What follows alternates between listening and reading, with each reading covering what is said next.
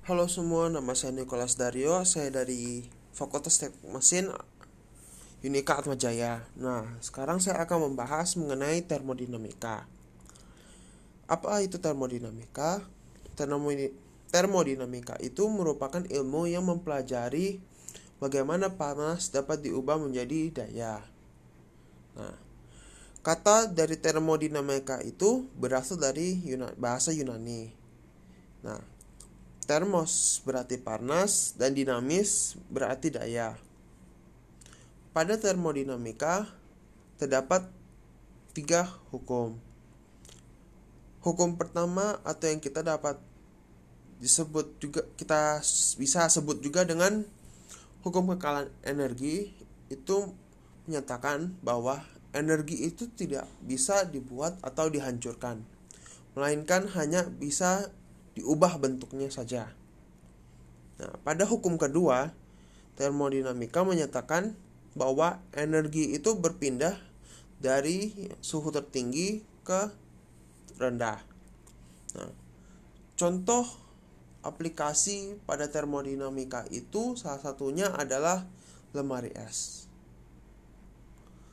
Terus pada termodinamika itu kita juga perlu memperhatikan satuan dan dimensi karena itu sangat penting.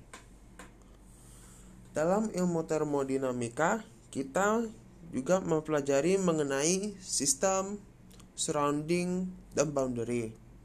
Nah, sistem itu merupakan zat atau luas area yang akan kita fokus untuk dianalisis. Sedangkan surrounding itu merupakan lingkungan di luar sistem atau di sekitar sistem. Nah, Boundary itu merupakan pembatas di antara sistem dan surrounding. Nah, sistem ini dapat dibagi menjadi tiga, yaitu sistem tertutup, sistem terbuka, dan sistem terisolasi. Pada sistem tertutup, massa tidak dapat masuk dan keluar, akan tetapi energi bisa masuk dan keluar. Sedangkan pada sistem terbuka, massa dan energi bisa masuk dan keluar. Untuk sistem terisolasi, massa dan energi itu tidak bisa masuk dan keluar. Nah, pada sistem kita juga perlu memperhatikan propertinya. Nah, properti pada sistem bisa dibagi menjadi dua, yaitu intensive properties dan extensive properties. Intensive property itu independen dari massa, sedangkan extensive property itu dependen dari massa.